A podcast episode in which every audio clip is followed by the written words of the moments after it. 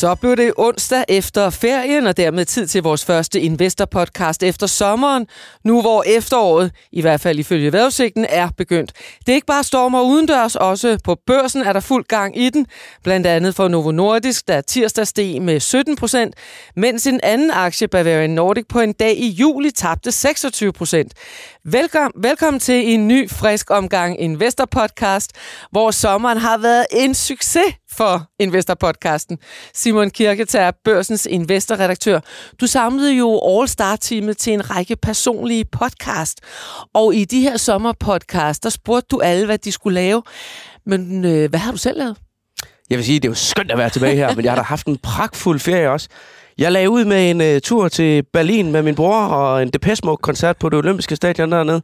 Så kom jeg hjem, og jeg har det jo sådan, jeg elsker biler, jeg elsker at køre, så uh, jeg uh, pakkede bilen, puttede familien ind i den, og så kørte vi ned gennem Tyskland til München, hvor jeg har boet for mange år siden, og var dernede nogle dage, og så kørte vi videre til Italien, hvor vi lavede så lidt som muligt overhovedet. Så det var de 45 grader dernede. Det var forholdsvis varmt i hvert fald, og så nåede vi lige præcis at køre hjem, inden det der kæmpe havlvejr det kom, så vi øh, kom hjem med bilen i behold og slap for en 24-timers bustur hjem uh, øh, med ja. de der 1800 andre danskere nede ved Gardasøen. Ja. Så kom jeg hjem i sommerhus, så det var at sige øh, ikke super godt vejr, og det ødelagde lidt mine sommerplaner for, at øh, landet det skulle køres tyndt i min øh, gamle BMW Cabriolet fra 1996. Ja. Så det blev ikke helt til lige så mange kilometer den, som, øh, Men det som, til gode. som ønskede. Men øh, Ja. det har alligevel været en øh, rigtig dejlig sommer, Ja. og jeg har været langt væk fra aktiemarkedet. Så hvis jeg er lidt rusten i dag, så er det derfor. Ah, du kommer hurtigt op på hesten igen. Og øh, med i studiet her øh, i dag, som man kunne høre, det er også investeringsstrateg i Saxo Bank, Oscar Bernhardsen. Oscar, ja. Lad os lige høre, velkommen til dig, lad os Tak, lige høre, tak. hvordan er din sommer gået. Jamen, altså, øh, jeg er blevet far. Det Tillykke. blev lige før sommerferien, så jeg har haft en lang sommerferie. Jeg har jo været væk i, i ja, 12 uger. Det var Ja. sådan en kombineret barsel øh, sommerferie. Og jeg, jeg har ikke lavet noget rigtigt. Nej. Jeg må simpelthen sige, altså det, det er jo ikke, fordi det har været kedeligt, men, men det øh, har alligevel været øh, meget gåture rundt i København. Få en lille frokost et sted. Kig på baby Cornelius, som har det godt. Og det er det, tiden er gået med. Ja. Og nu er jeg tilbage igen, så der er ikke så meget spændende at fortælle andet, end at vi har det godt derhjemme, og folk er glade, og, og det er jo godt. Og øhm, jeg har så holdt lidt øje med aktiemarkedet stadigvæk, Simon. Jeg kunne ikke, jeg kunne ikke øh, holde mig helt væk, må jeg indrømme. Så jeg har det fuldt lidt med, selvom jeg har været, været helt væk fra kontoret. Ja, vi glæder os til at høre din ja. Ja. input her i, øh, i dagens podcast. Og så vil jeg også sige, lyt eller genlyt de glimrende afsnit af sommerpodcasten, der hvor du plejer at høre din podcast. En ny regnskabssæson står for døren og begynder med dundrende underskud for Vestas og en nedjustering for Novozymes. Vi skal blandt andet i dag tale om Novo, der brager der ud af, og så skal vi tale lidt om vores øh, investeringer i vores portefølje, som ligger i all-time high. Vi skal simpelthen have hele vores investorpanel på banen i dag. Om lidt så kontakter vi hele aktieteamet. Velkommen til dig, der lytter med. Velkommen til Investorpodcasten. Mit navn er Tina Rising. Novo-aktien steg tirsdag med 17 procent efter, at et nyt studie viser, at Novos fedmemedicin Wegovy reducerer risikoen for hjertekartilfælde med 20 procent, hvilket var mere end de forventede 17 procent. Og investorerne gik nærmest amok jo i opkøb, kan man sige. Lukkekursen passerede tirsdag 1279,8. Det vil sige, at Novo på en dag blev 424 milliarder kroner mere værd til en samlet markedsværdi på intet mindre end 2.885,9 milliarder kroner. Jeg kan se her onsdag morgen, den allerede stiger. Simon, en stigning på 17 procent. Var det en, øh, en færre reaktion i aktiemarkedet? Ah, man må knibe sig selv i armen over den her udvikling i Novo. Jeg øh, kom tilbage fra min frokostpause i går, og så kigger jeg bare lige sådan hurtigt på øh, C25-indekset, som jo lå i minus, og så kan jeg se det er op med over 2% sådan bare lige pludselig. Så tænker jeg, der må være en eller anden teknisk fejl et eller andet sted. Og så løber jeg læsning, og så kan jeg se, at Novo der, den ligger op med 15% på det tidspunkt, og det er jo altså det er jo altså Danmarks mest værdifulde børsselskab, og det er et mulehår fra nu at være Europas Jamen, mest det er det. værdifulde skal børsselskab. Så det er jo væk. en kæmpe aktie, det her. Ja. Så et kursreaktion i det leje der, det er bare helt, helt vildt. Men det, der sker i Novo, er jo også vildt, og deres øh, indtjeningspotentiale, det kører jo derudad. Altså, vi, øh, vi kigger jo ind i, et, øh, ind i et selskab, hvor omsætningen, den fra 2019 og til, til i år nærmest fordobles. Og de styrer lige nu mod en forventet omsætning på øh, 223,6 milliarder kroner i år. Det er jo helt vildt. Det må man sige. Ja. Øh, og Oscar, øh, hvad siger du til øh, reaktionen her fra investorerne? Øh, vi ved jo også, at der er udfordringer med, at, øh, at Novo det hele taget kan producere og levere i takt med, Ja, ja. med efterspørgselen øh, på, på Vigovi. Hvad siger du til den her reaktion i aktiemarkedet? Jamen, det er jo, altså igen, det er jo, for mig er det her jo the, the one that got away, hvis man kan sige det i kærlighedssprog, ikke? Altså, det er sådan en, jeg har siddet og kigget på, og altid synes var lidt for kedelig. Min mor har heldigvis købt den, fordi jeg sagde, hun hun skal have noget kedeligt og noget sikkert, så jeg købte noget Novo. Jeg har altid synes det var for kedeligt, men, men man må bare sige, de bliver ved med at overraske positivt, ikke? Og men nu så man så, de havde deres hovedkonkurrent, Eli Lilly i USA, steg jo også rigtig meget i går. Det var også på en 15 opjustering. procent. Ja, øh, det var både på en opjustering, men, men det her med at få det her med hjertekarsygdom med som et selling point i deres øh, fedmemiddel Wegovy, øh, der kommer ud af det her semaglutid, man kan jo sikkert, de laver sikkert flere produkter med andre navne på det eller andet tidspunkt. Det er bare super godt lige nu, øh, timingmæssigt, fordi et er, at eller Lilly også er begyndt at, ligesom, at skrue op for deres fedmemedicin, og også øh, bliver sådan officielt godkendt til det nok her senere på året. Noget andet er den her snak fra forsikringsselskaber, der er begyndt at være i USA. Man har også hørt ned fra Tyskland, at ah, det er lidt for dyrt. Skal vi virkelig betale for det her?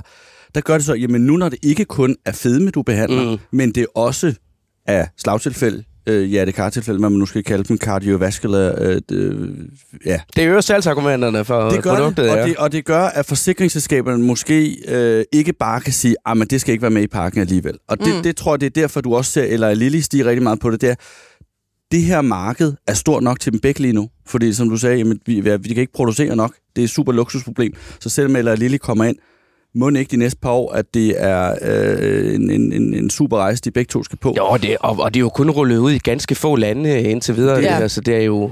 Men det, der kunne være bekymringen, det er, hvis forsikringsselskaberne begyndte at blive en kæppe i hjulet og sagde, hov, det her, det skal altså ikke ligge i, i alle pakker, det er for dyrt, vi vil ikke reimburse og tilbagebetale det hele til, øh, til forsikringskunderne. Der er det her argument, som nu er på øh, Novos produkt, det kommer nok også senere på eller Lillis produkt. De har samme studie, men er lidt bagefter på resultaterne.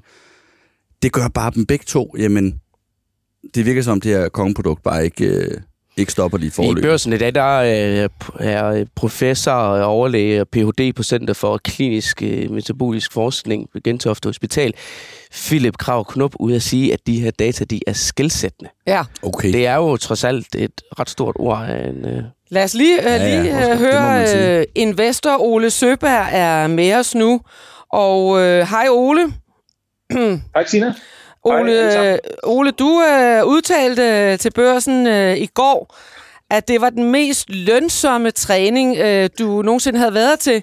Fordi mens du var til træning, så steg dine Novo-aktier med omkring øh, 16 procent. Øh, du kan vel aldrig øh, forlade et fitnesscenter nu?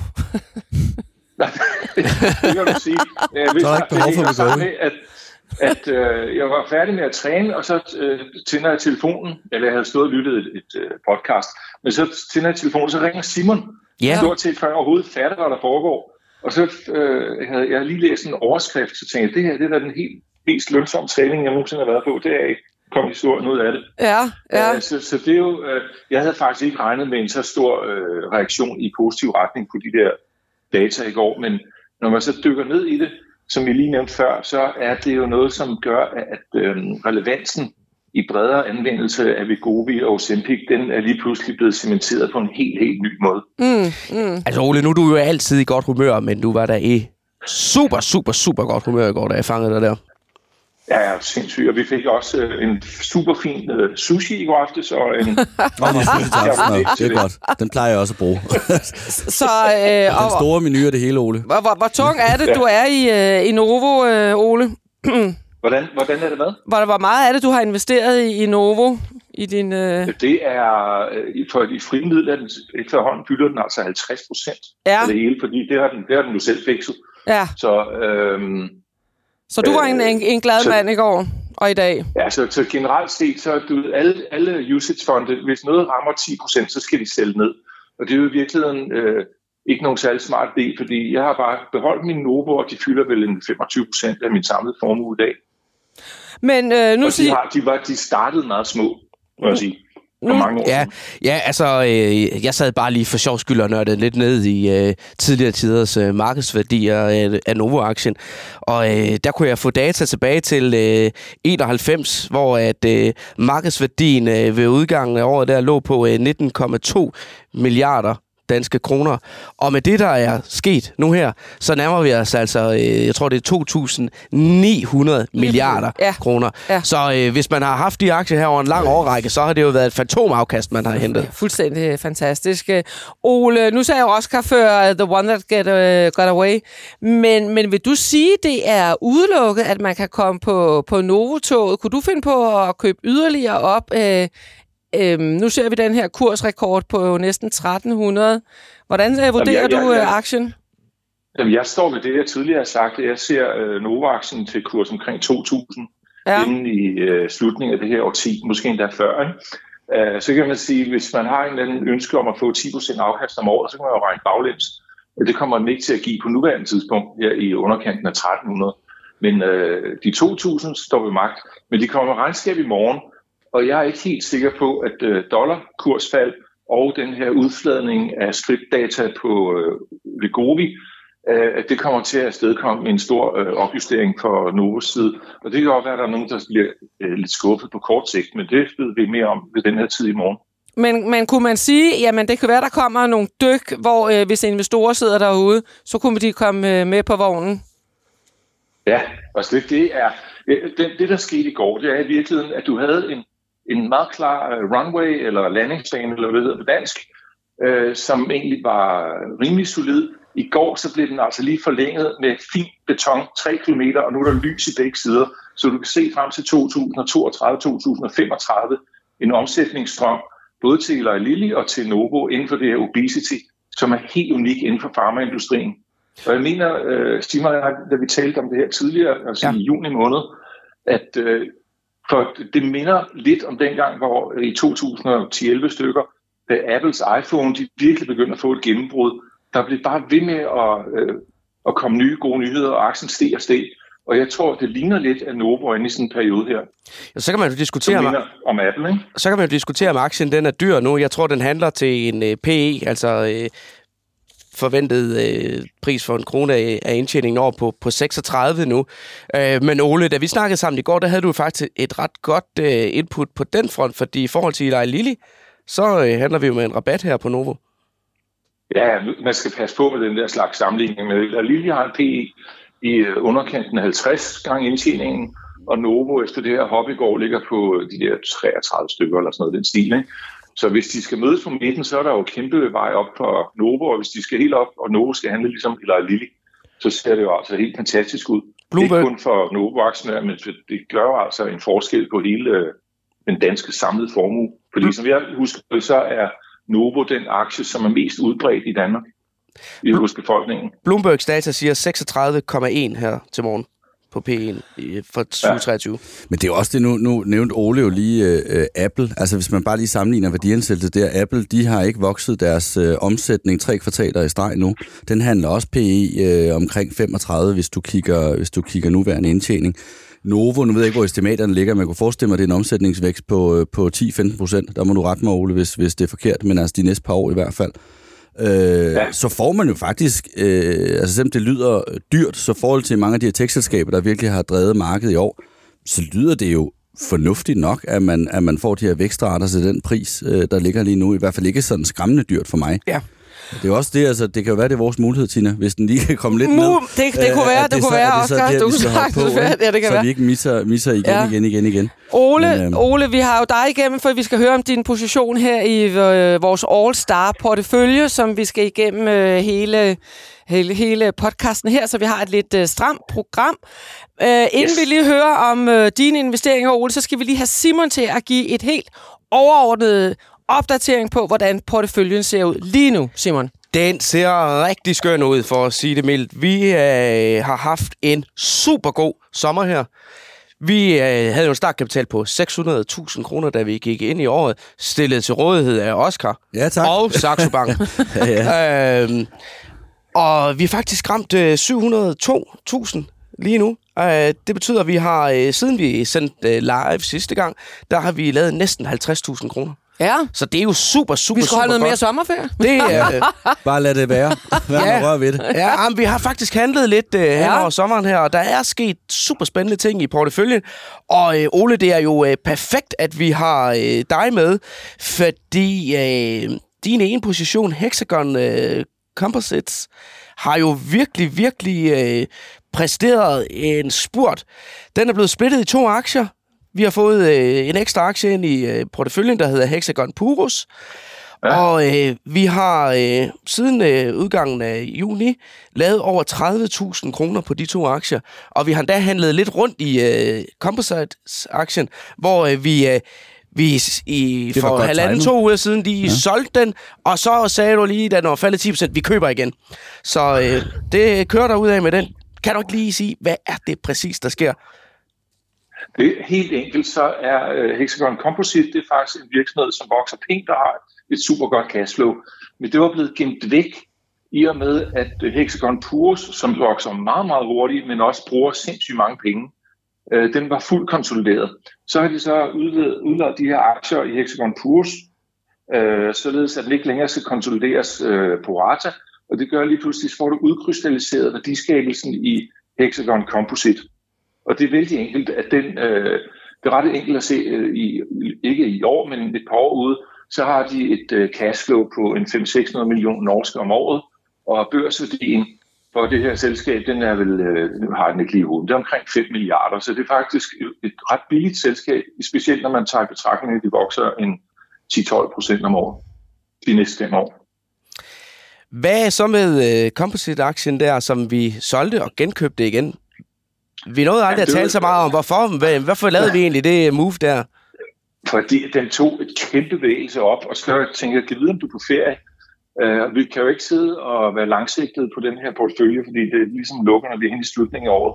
Så jeg tænkte, hvis vi kan lave en, en uh, salg på den her meget kraftige efterspørgsel, som jeg aldrig fandt ud af, hvad, hvad der afstedkom den, uh, så vi solgte der på kurs 31, og så blev vi købt tilbage, hvad var det på kurs øh, 28 eller sådan noget igen, ikke? Ja, sådan noget den stil. Øh, det er selvfølgelig lidt kortsigtet og tidskrævende, hvis man skal sidde og holde øje med sådan noget hele tiden. Men her i sommerdagene, så havde jeg den tid, og så tænkte jeg, okay, vi prøver, og så lykkedes det. Men da jeg solgte var, så sagde jeg også til dig, Simon, at lad mig lige se, hvad vi ellers skal købe, fordi jeg har nogle andre ting på bænken, som kunne være kandidater, men så ordnede Hexagon øh, øh Composite det helt af sig selv. Ja, så fik jeg lige en sms fra dig, mens jeg var på vej ind i AB Expressen nede i Knuttenborg Safari Park, om vi ikke lige kunne genkøbe. Så øh, der måtte vi lige, øh, der måtte vi lige holde Expressen tilbage et øjeblik, mens vi lige fik købt øh, aktierne igen. Ja, ja, ja. Ja, det er den money never sleeps. Sådan er det. så du kan ikke rejse rundt og være, turist. Det må jeg være åben for. Anyway. Og så er der Alibaba, som er din aktie også. Den er faktisk, øh, den har kørt ret godt. Øh, Den har vi lavet 6.000 kroner på, øh, og øh, den har jo ellers ligget noget under vand øh, hos os. Men der er vores øh, samlede tab på den minimeret til øh, blot 2,6 procent nu, fordi vi har fået suppleret lidt op i den på nogle lavere kurser også. Så øh, Ja, det, var, det, det, var det, det er din credit, Simon, at du købte op der, da der var noget overskudslikviditet. Uh, de kommer med regnskab, det gør Hexagon i øvrigt også i næste uge. Uh, så det må vi se, om, om hvordan Alibabas uh, ting er. Men der er jo en negativ stemning rundt om Kina i det hele taget. Og hvis man tænker det sådan lidt i store træk, så er Kina faktisk uh, verdens uh, produktionshus stadigvæk. Og i og med, at der er en lagerudbringelse globalt, så er der altså heller ikke helt så meget eksport ud af Kina, fordi de her lager, vi har både i USA og Europa, de skal lige nedbringes lidt, før vi køber yderligere varer fra dem. Okay. Og det ja. tror man så påvirker hele den kinesiske økonomi. Men jeg synes altså, når man kigger bare på rådata fra den kinesiske centralbyrå på privatforbruget, så ser det faktisk meget fornuftigt ud. Så jeg er lidt spændt på, om, om Alibaba den kan komme ud med et fornuftigt resultat, som kan afstedkomme. Vi må se, Ole. Vi må se. Uh, og vi kan lige, uh, inden vi uh, smækker røret på for dig og ringer til den næste, så kan vi jo lige nævne, at uh, du burde jo nærmest bæres ind i studiet her i en guldstol, fordi uh, nu har du lavet det her Hexagon, og uh, du står også bag uh, vores køb af SimCorp, som uh, blev opkøbt. Så du har faktisk lavet de to bedste investeringer kroner og øremæssigt uh, til porteføljen. flot. Så Flot, Ole. Du... Tak, det var, tak, det, var Ole. det, du sagde, da vi startede. Jeg får lov at betale champagne næste gang, vi ses. Ja. Det må jeg jo hellere... Mm. Det kan du godt tage med næste, næste gang til de til, andre. til lytterne. Ja. Ja. Uh, vi, vi siger tak til dig, Ole, og ringer videre til Nina Movin. Og inden vi nu lige får øh, Nina igennem, så kan jeg lige øh, supplere med, at øh, det giver jo et afkast i år på 17 procent til øh, vores All-Star-portefølje her. Og det betyder faktisk, at øh, vi, ligger, øh, vi ligger ret godt øh, øh, med i forhold til øh, afkastene på, øh, på de øvrige øh, markeder. Øh, mm. Og nu sidder jeg lige og ruder lidt rundt i mine øh, Så du, noter her. ja, så hvis man sammenligner os øh, med, med de øvrige markeder, så ser det fornuftigt ud. Det gør det, det gør det. Ja, men især de europæiske. Altså, der ikke har været... Altså, det er jo mange af de her tech, øh, tech-sektorer, der virkelig har trukket op, ikke? Altså, det kan godt være, at Nasdaq er op... Øh, hvad, 30-40 procent alt efter, hvilke, hvilke af indeksene du kigger på. Men altså, Europa er jo ikke op sådan super meget i år. SP500 er vel nogenlunde det samme. Det er nogenlunde det samme, ja. Øh, og der er, det jo, der er det, jo, det er jo godt, altså 17 procent, det er da dejligt. Ja, og så, er der dejligt. ind, og så har man fået lidt medvind, men sådan er det jo. Altså, ja. det, det, det, det skal der også være plads til i, øh, Det helst. i, øh, i, nogle, helst. i nogle tider, ikke? Nu skal vi lige høre Nina Movin, direktør i Otto Mønsted og Otto Mønsteds Fonden. Nina, er du øh, med os nu? Ja, Dejligt, Nina. Nina, nu skal vi høre, hvordan det er gået med dine øh, investeringer. Du havde jo her før sommeren øh, Netflix og Merck. Hvad er der sket her i løbet af sommeren? Ja, det første, der skete, det var jo, at vi skiftede Netflix ud med ABB øh, op til de her regnskaber, kulturregnskaberne for 2023. Og der er kommet regnskaber både for Merck og ABB, og de begge to, øh, det har været to rigtig gode regnskaber. Det har delvis reflekteret sig i, i kurserne, men altså man kan sige, at begge selskaber, ABB, hvis vi lige starter med den 13 procent op på omsætningen, øh, meget solid øh, finansiel stilling, og det er jo alt inden for robotter og øh, ting til elnettet og øh, industriel automatisering, så en marginal på deres øh, på det, de sælger på 17 procent. Så, så, så det var, og den steg også en lille smule på regnskabet. Øh, så det er jo et svejsisk øh, slags svensk selskab, øh, og meget, meget positivt, synes jeg. Merck det samme. De har købt et stort selskab inden for immunologi, øh, og det er noget af det, som de godt kunne blive stærkere på, og det er jo det her med, at de gerne vil forske i tidlige stadier af cancer. Hvad kan, hvad kan man gøre mod det? Og hvad kan Keytruda, deres store cancerprodukt, gøre mod det? Så de har lige brugt øh, 10,8 milliarder dollar på at købe et selskab inden for immunologi, der hedder Prometheus. Jeg ved ikke, om jeg udtaler det rigtigt, men det ligger der omkring. Derudover var regnskabet godt 15 milliarder op, øh, eller 15 milliarder US dollar i indtjeninger, det er op 3 procent. Og begge selskaber fastholder og forbedrer øh, udsigterne til 2023.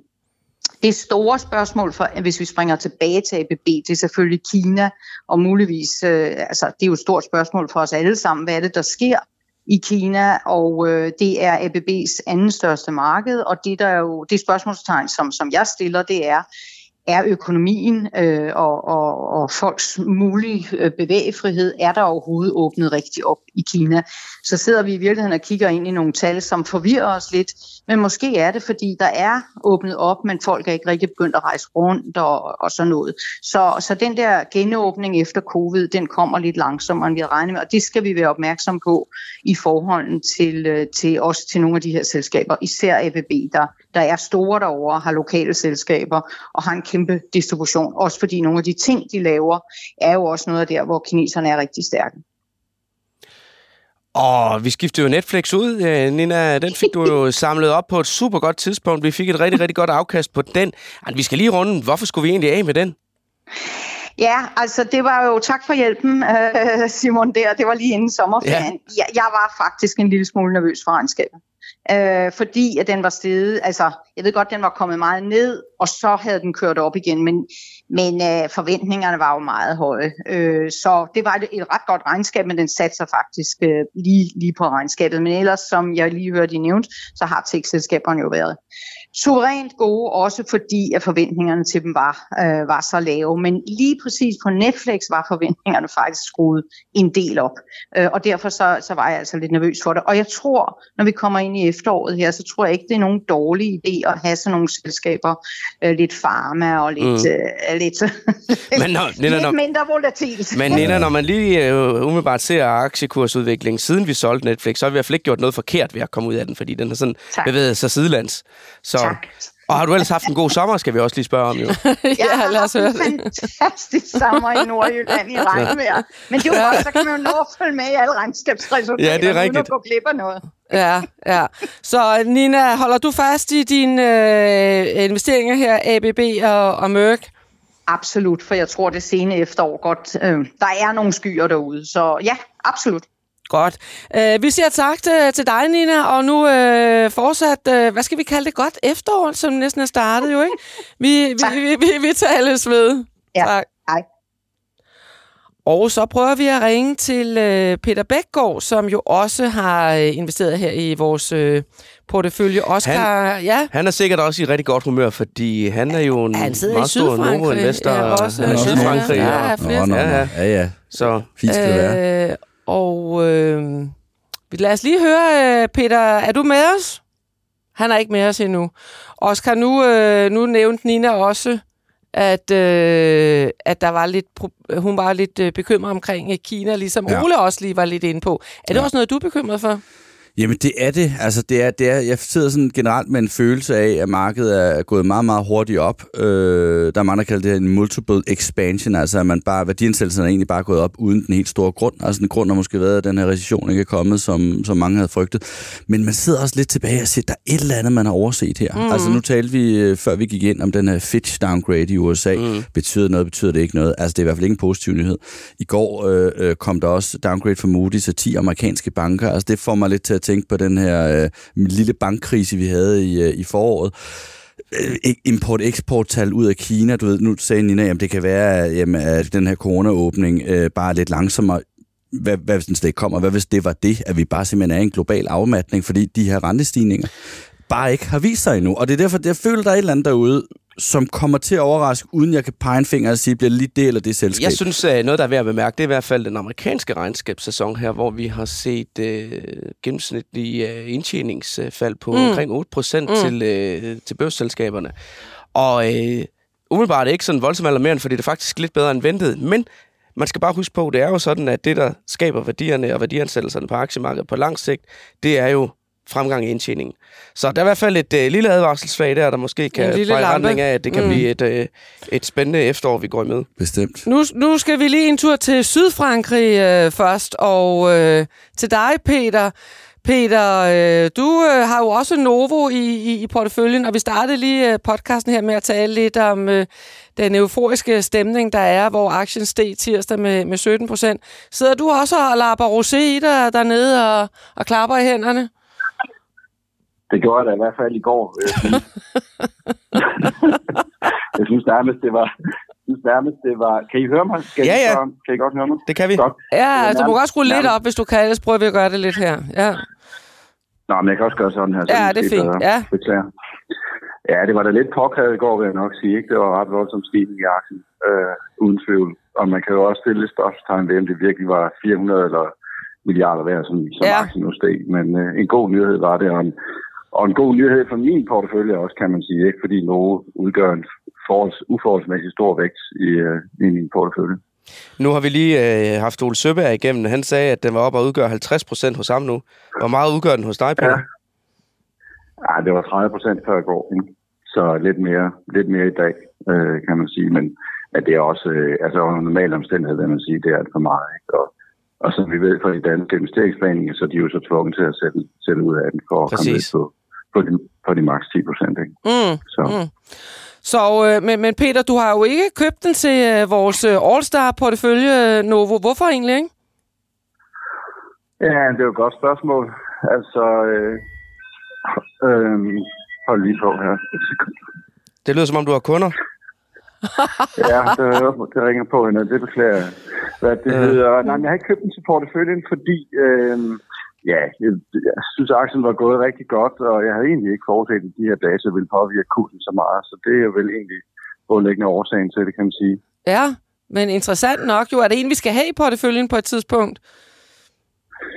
Ja, det, det kan, jeg, kan jeg simpelthen ikke svare på. Øh, Jeg skal lige have sat mig ned og kigge på, hvad det betyder for potentialet for øh, WeGoVi øh, Mm. fremadrettet, at de her data blev annonceret i går. Så Mm. øh, det må være første, første øvelse, ikke? Og det tror jeg også bliver noget, som øh, analytikerne og investorerne generelt kommer til at bruge lidt tid på. Men Så- Peter, hvad så med de to aktier, du har øh, puttet i vores øh, portefølje og, og købt op i, øh, Top Danmark og BioGaia? Er der noget ja. Spændende i dem her øh, sket over de seneste par måneder? Det har været lidt trist sommer generelt, eller en blandet sommer for, for mine aktier, kan man sige, også dem, jeg har haft i porteføljen. Øh, Top Danmark kom jo ud og nedjusteret før, øh, før øh, andet kvartal af to årsager. Tekniske årsager, så også øh, en højere skadesfrekvens i, øh, i andet kvartal. Og øh, det ser ikke umiddelbart ud til, at tredje kvartal bliver bedre. Og det er jo så også på et eller andet niveau reflekteret i aktiekursen. Ikke? Så den, den aktie tror jeg sådan set er død på, øh, på kort sigt. Okay. Det er jo, hvad den skal skifte til. Og så, og, og så er der BioGaia, som jo efter fem, fem kvartaler med opjusteringer ikke opjusteret før andet kvartal, og væksten i andet kvartal efter et meget, meget flot andet kvartal sidste år kom ned på 2 procent. Øh, og der var en børsmælder, der var ude og nedjustere aktien før regnskabet, så den tog også en lille smule øh, tryk der før, før regnskabet. Men ellers så synes jeg, at deres forretning ser stadigvæk meget interessant ud, og de klarer sig enormt godt, og de er meget profitable. Så, og der kommer en ny CEO ind der øh, en gang i efteråret, så det er jo sådan en spændende udvikling i, øh, i BioGaia. Mm. Så, øh, så du, foreslår, øh, du vil gerne beholde øh, BioGaia, men måske ikke Top Danmark? Altså på kort sigt i hvert fald, der tror jeg ikke på, at der er meget upside i, i, top, i top Danmark, fordi øh, vi skal hen igennem det her tredje kvartal, ikke, hvor der har været en del skader rundt omkring, men vandskader og havl i ned omkring det sted, hvor Simon har været på ferie og så videre. Så, Mm. så, øh, så jeg tror, at aktien kommer ikke til at klare sig specielt godt. Det er på kort sigt. På lang sigt er det stadigvæk en, en aktie, som jeg, som jeg synes er interessant, og som, som jeg selv vil have i porteføljen helt sikkert, fordi den er nu så også faldet pænt meget fra de, hvad var den oppe i 400, tror jeg, Ja. ned til 300, ikke ret stort. Altså, jeg har sat så rigtig meget, så ved jeg godt, at vi har fået, jeg tror, det er 31 kroner i dividende. Ja. ja. Så det er lige, Men det kan være, at vi skal have en øh, snak øh, bilateralt om øh, en mulig udskiftning, Peter. ja, det kunne det godt være, at vi skulle det. Peter, kan du, ikke, øh, kan, kan du ikke lige fortælle, øh, hvordan øh, hvad det går med sommeren i, i Sydfrankrig? Fordi vi sidder jo her i Danmark og længes efter det, for det stormer uden for, for dørene. Ja, men det er jo sådan lidt det sædvanlige hernede, ikke? Der er sådan helt perfekt blå himmel og høj sol, og så er det faktisk... Det må jeg sgu godt bruge sådan en dag som i dag, det må jeg bare sige. Så har Det det, må jo jeg bare i modsætning til, til andre steder nede i, i Sydeuropa, har det faktisk ikke været helt så varmt som, som sidste år, for eksempel. Aha. Så, og, og lige nu er det sådan, nu snakker vi selvfølgelig vejr, men det er bare 20 grader, ikke? Så, så det, er jo, det er jo svært at være sur i hvert fald. Ja, især også, når man har fået lidt medvind på, på, No- på Nova-aktien der også, ikke? Jo, og så har jeg jo også, øh, bare lige hurtigt, jeg har jo også øh, Teva i porteføljen, som, som Simon og jeg snakkede om i sommer. Ja, den er begyndt at røre Og på de, sig. øh, De overraskede jo faktisk positivt for en gang skulle Ja. aktien efter regnskabet. Så de steder, hvor jeg normalt bliver skuffet, der har der faktisk været få gode overraskelser. I de andre aktieejere har det faktisk været en lidt, lidt træls øh, Q2-sæson. Ikke? Så mangler vi så nogle nordiske, der skal rapportere også Lundbæk her inden, inden Ja. for meget kort tid. Ja. Okay, vi, vi slipper dig her, øh, Peter Bækgaard, og, og ringer videre Super. øh, til Jesper Langmark.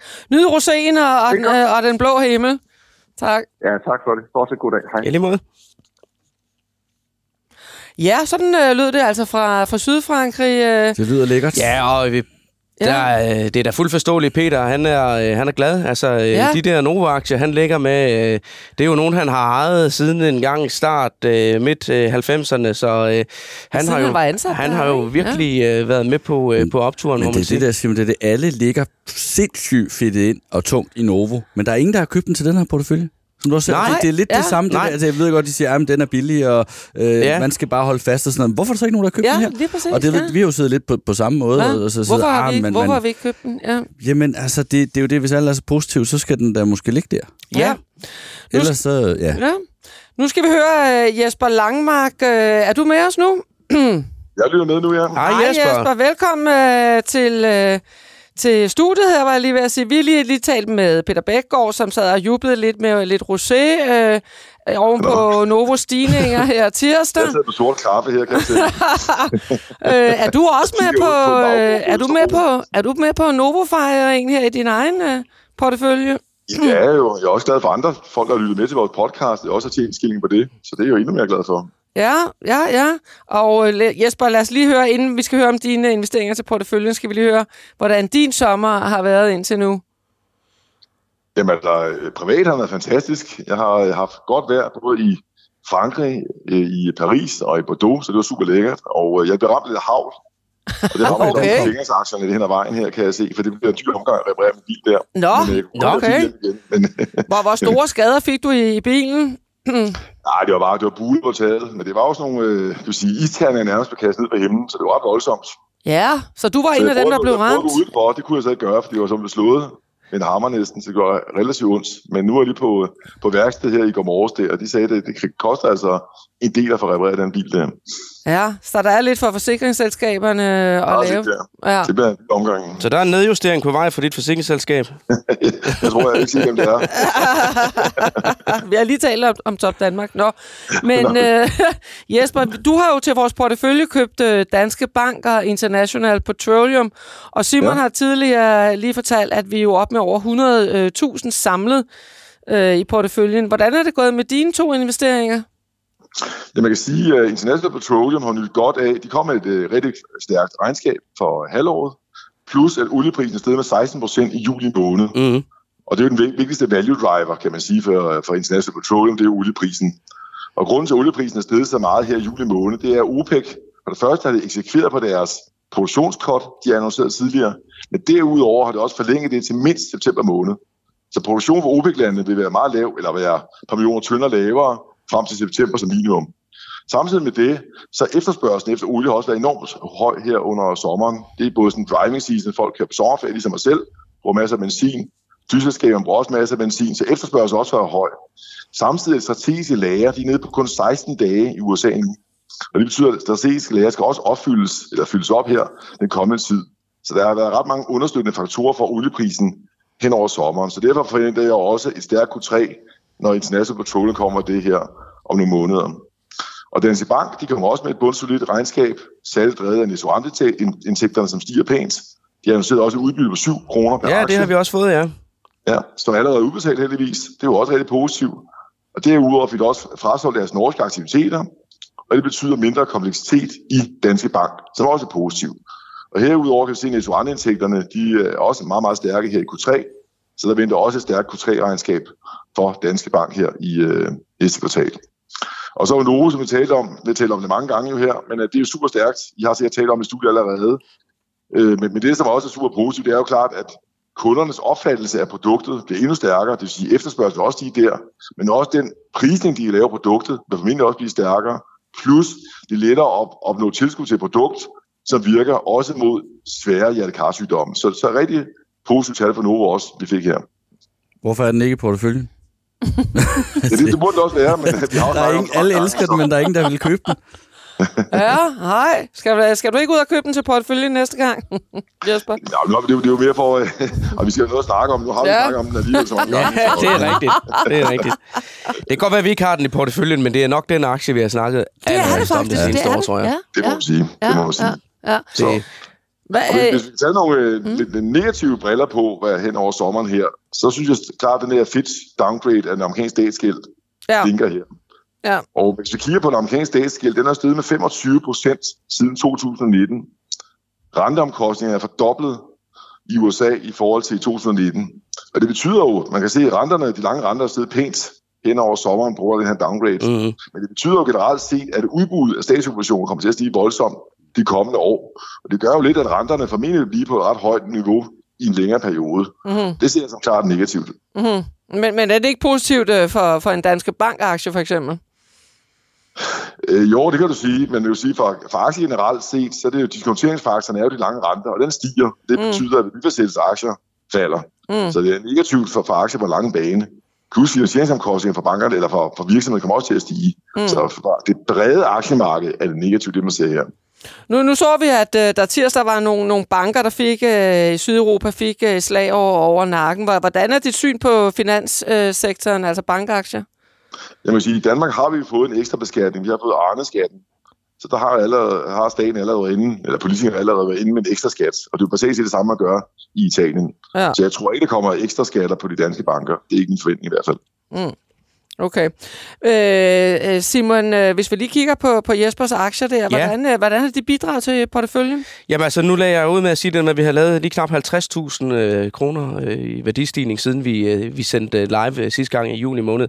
Og øh, Jesper, det har du da hjulpet godt til med. Altså, Danske Bank øh, har givet 3200 kroner, og så var der øh, International Petroleum, den er op med øh, 7.000 kroner i den periode. Så, øh, så Jesper, du har i hvert fald øh, din øh, andel i, øh, i opturen her i porteføljen også, så øh, tak for det.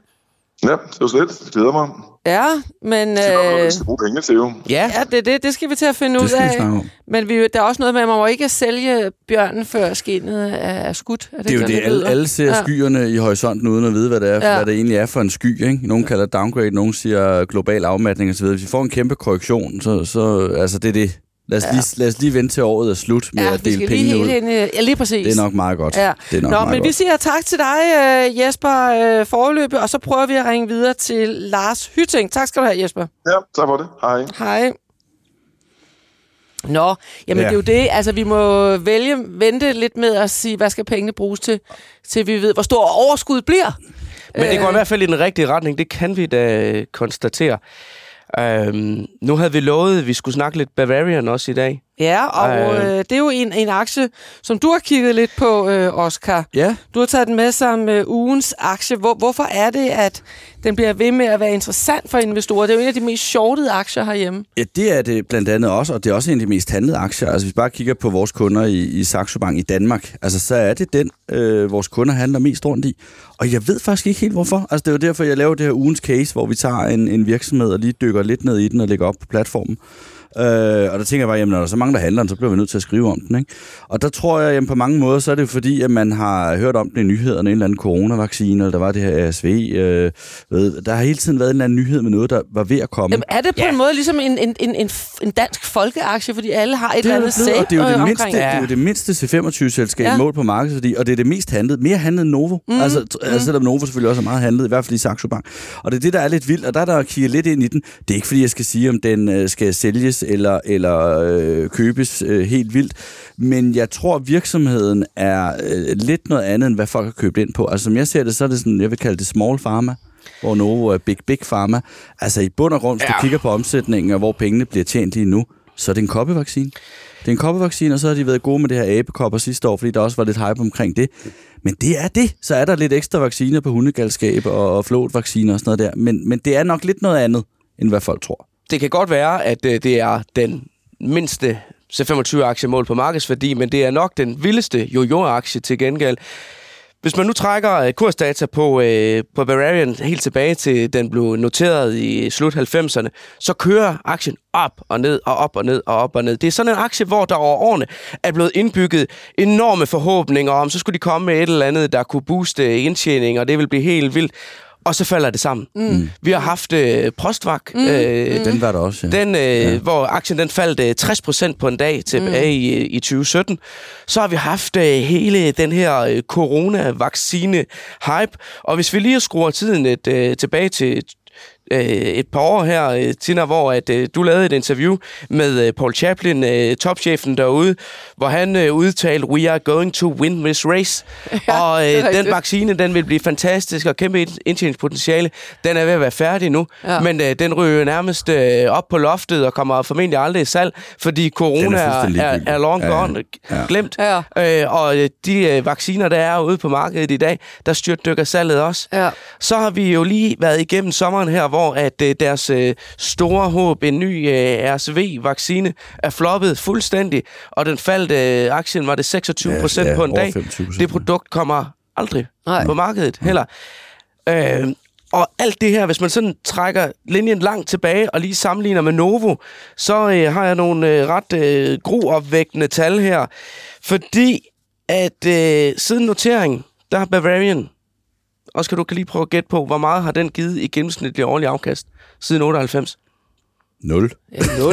altså, så er i hvert fald de sidste fem år. Nul, jeg den vil er sige ikke? nul. Det er meget tæt på. Ja. 1,5 procent. Ja. Det betyder så, at totalafkastet på aktien i perioden er øh, 44,7 procent. Hvis vi så lige springer tilbage til Novo, som vi jo har talt utrolig meget om i dag, så ligger det gennemsnitlige årlige afkast på 22,7 procent. Det er noget andet. Det betyder så, at totalafkastet på Novo i den periode, inklusive geninvesterede udbytter, er 15.696 procent.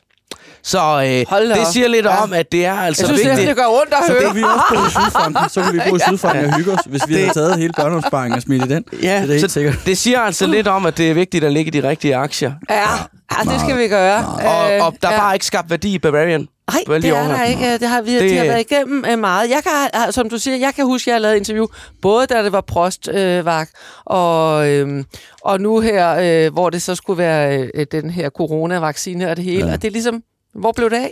Det er det ikke. Og det, det der, altså jeg vil sige, det, nu giver jeg jo ikke købs- og salgsanbefalinger på, på enkelte aktier, men jeg vil sige, forstår jeg en kæmpe bullcase?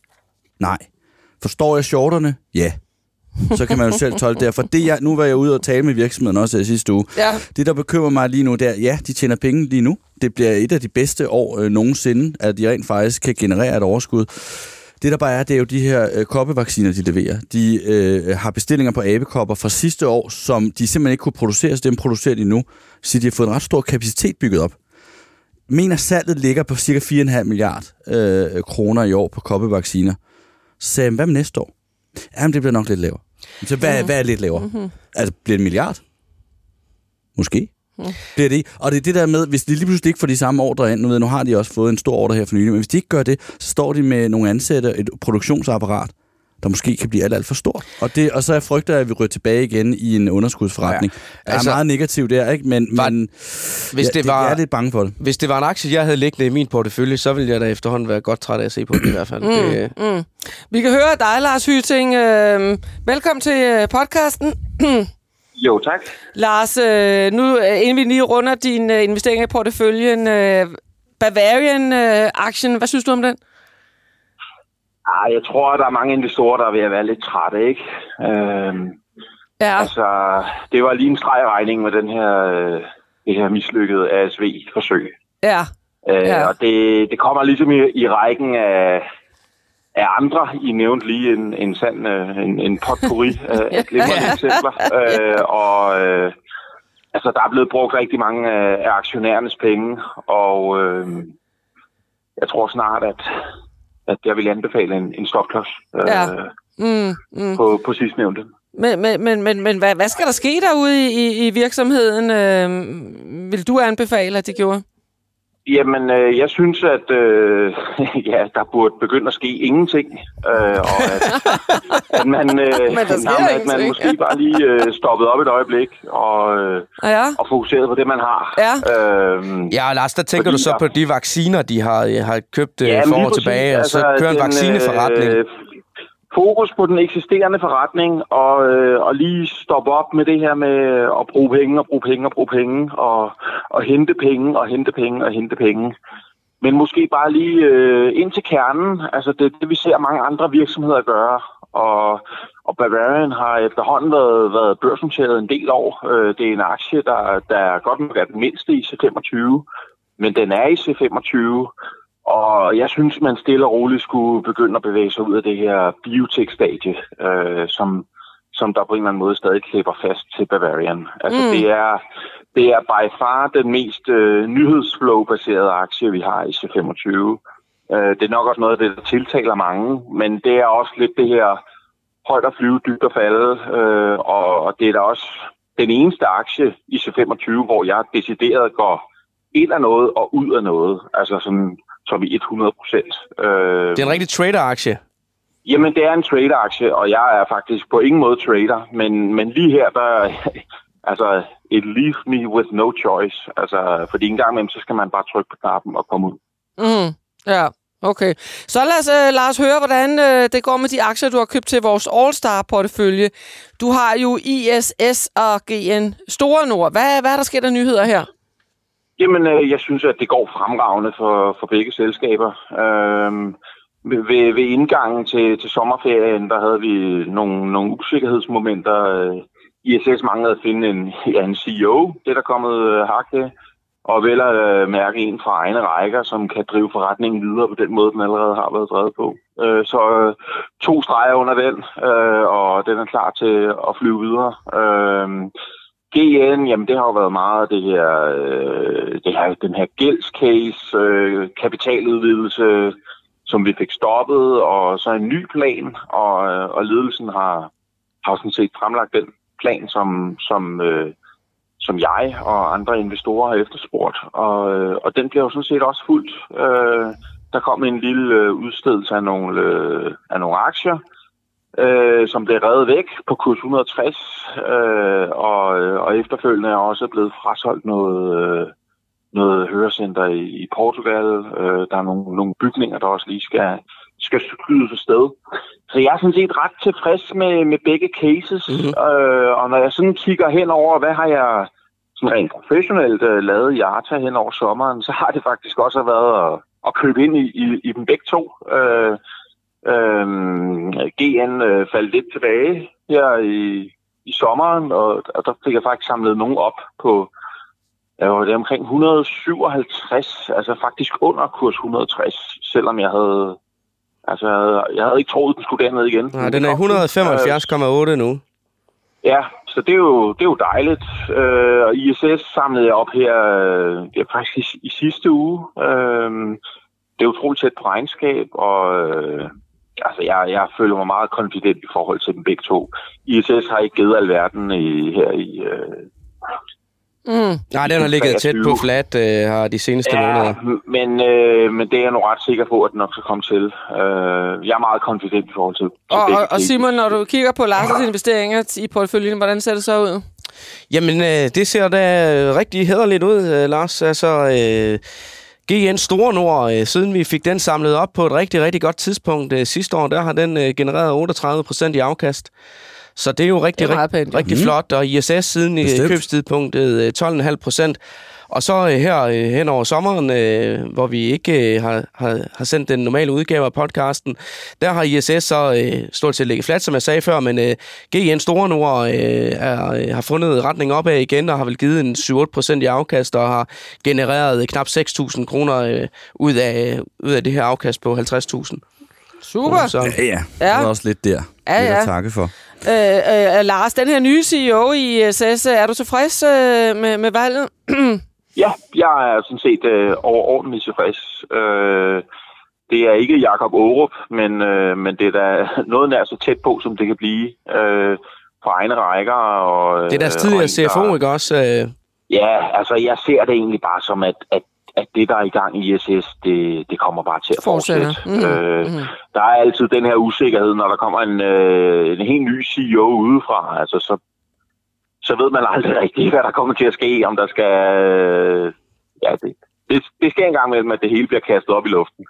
Øh, eller der er nogle ting, der bliver afskrevet, eller, eller lignende øh, solgt fra i panik, eller ja, hvad ved jeg. Øh, det er i hvert fald set før. Og, ja. og det scenarie forventer jeg på ingen måde. Altså, jeg jeg synes, at Jakob efterlader en, en top-trimmet maskine, og, og den skal sådan set Men, bare drive ja, altså, og, og de har jo også været... Og, det, og, og det helt sjove er jo at se, at, at Jakob stadig ligger og køber aktier i ISS. Altså, det, det, det synes jeg siger lidt om, om, øh, om situationen. Øh, det, det er ret sjældent, at en afgående CEO stadig for egne midler øh, køber aktier i markedet. Umiddelbart så øh, det, de ligger op til, det er jo mere af det samme. De har også været ude at sige, at øh, Kasper Fangel, den nye CEO, han, øh, han har jo været en del af den strategi, de har kørt indtil nu. Så, øh, ja. så det ser ud som om linjen er lagt. Men mm. hvor, hvor meget mere ja. krudt er der så at hente i den øh, aktie, øh, Lars? Jamen, der er meget mere krudt. Øh, den er markant undervurderet. Så... Øh, så lad os nu se resten af året her. Mm. Jeg, øh, jeg ryster sådan set ikke på hånden. Jeg tror også, at ISS vil give et ganske glimrende bidrag til, til vores i forvejen glimrende portefølje. Det håber vi, det håber vi selvfølgelig, at, øh, vi, øh, at vi kommer højere op, øh, end vi allerede er nu. Øh, og vi skal lige høre din sommer også, Lars. Øh, har den været god indtil videre? Jamen, det har det. Øh, altså, juni var jo god, ikke? Øh, Sådan øh, rent, rent værmæssigt, og så ellers har det jo været en fin efterårsferie. Ja, det det. Efterårsferien er jo startet jo, ikke? Øh, ja, Eller ikke altså, ferie, øh, men... Øh, Ja, jeg havde fornøjelsen af at være et par dage i, i Bøgeskoven i sidste uge, og øh, det var da også øh, noget anderledes, end det plejer at være. Øh, hvordan? Ja, Lidt- men lidt sådan, mere øh, vådt? okay? Lidt Var mere vådt okay? på alle lidt måder? koldere, lidt koldere, lidt, øh, lidt, lidt mere vådt, øh, men, men det gik. Ja, Øh, okay.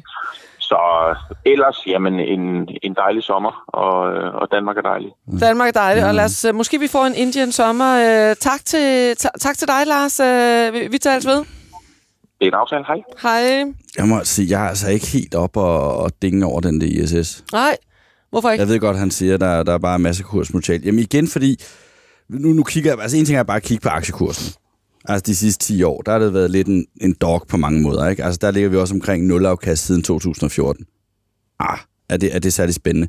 Det andet er også, at jeg tror, vi har levet i, et, øh, i en verden og et miljø, hvor mange virksomheder har, har gjort det rigtig godt ud af de her. Der har været inflation, også på en positiv side, hvor virksomheder kunne sætte deres varer op i pris. Det er gået godt, det vil sige, jamen så har man taget den helt store pakke 4SS med facility service og store kantine og det hele. Nu er jeg bange for, at vi begynder at komme ind i det her lavvækstmiljø, Mm hvor du stadigvæk har en inflation på, på, på nogle punkter, altså blandt andet råvarer, olie, et, et stadigvæk et tight arbejdsmarked, der gør den største omkostning for ISS, det er jo lønninger. Altså det er jo rengøringsfolk, det er kantinefolk, det er sikkerhedsfolk, alle mulige ting. Men hvis du får et miljø, hvor virksomhederne ikke bare kan give deres inflation videre til kunderne, jamen hvor sparer man så henne? Det gør man jo på sådan nogle ting. Og derfor så er jeg bange for, at vi ender i en situation med ISS, hvor de stadigvæk vil øh, øh, have lønpres på deres omkostninger, men de har nogle kunder, der holder igen. Og der er det jo bare super følsomt, når man har så mange ansatte. Altså om du, hvis du ikke kan give de her lønstigninger videre til dine kunder, så kan det gå rigtig, rigtig stærkt med, at så begynder indtjeningen at se lidt, øh, lidt svær ud. Og ja, det, det, det er jo ikke nogen voldsom margin, der er på... Øh, Nej, det er det. Der skal ikke særlig meget til, for så ser det rigtig skidt ud. Ikke? Så, så det er det, det, det, der bekymrer mig lidt med sådan en case, hvor så, så hellere tage noget, øh, som Nina nævnte over i, i lidt farma, måske lidt stabilt forbrug. Øh, igen, Jakob Aarup på, på Carlsberg i stedet. Altså øh, noget, noget, der måske er lidt mere øh, stabil, hvis vi ender Stabil i sådan en si- si- Mm. situation her, Mm, ikke? Eller, mm. eller Pharma, som har en anden, øh, trods alt en anden pricing power, end hvad man har, når det gælder rengøring og, og kantineordninger. Ja. Ja, ja det, det er bare min holdning. Ja. ISS kommer med regnskab her lige om lidt øh, den 10. august, så får vi det øh, at se.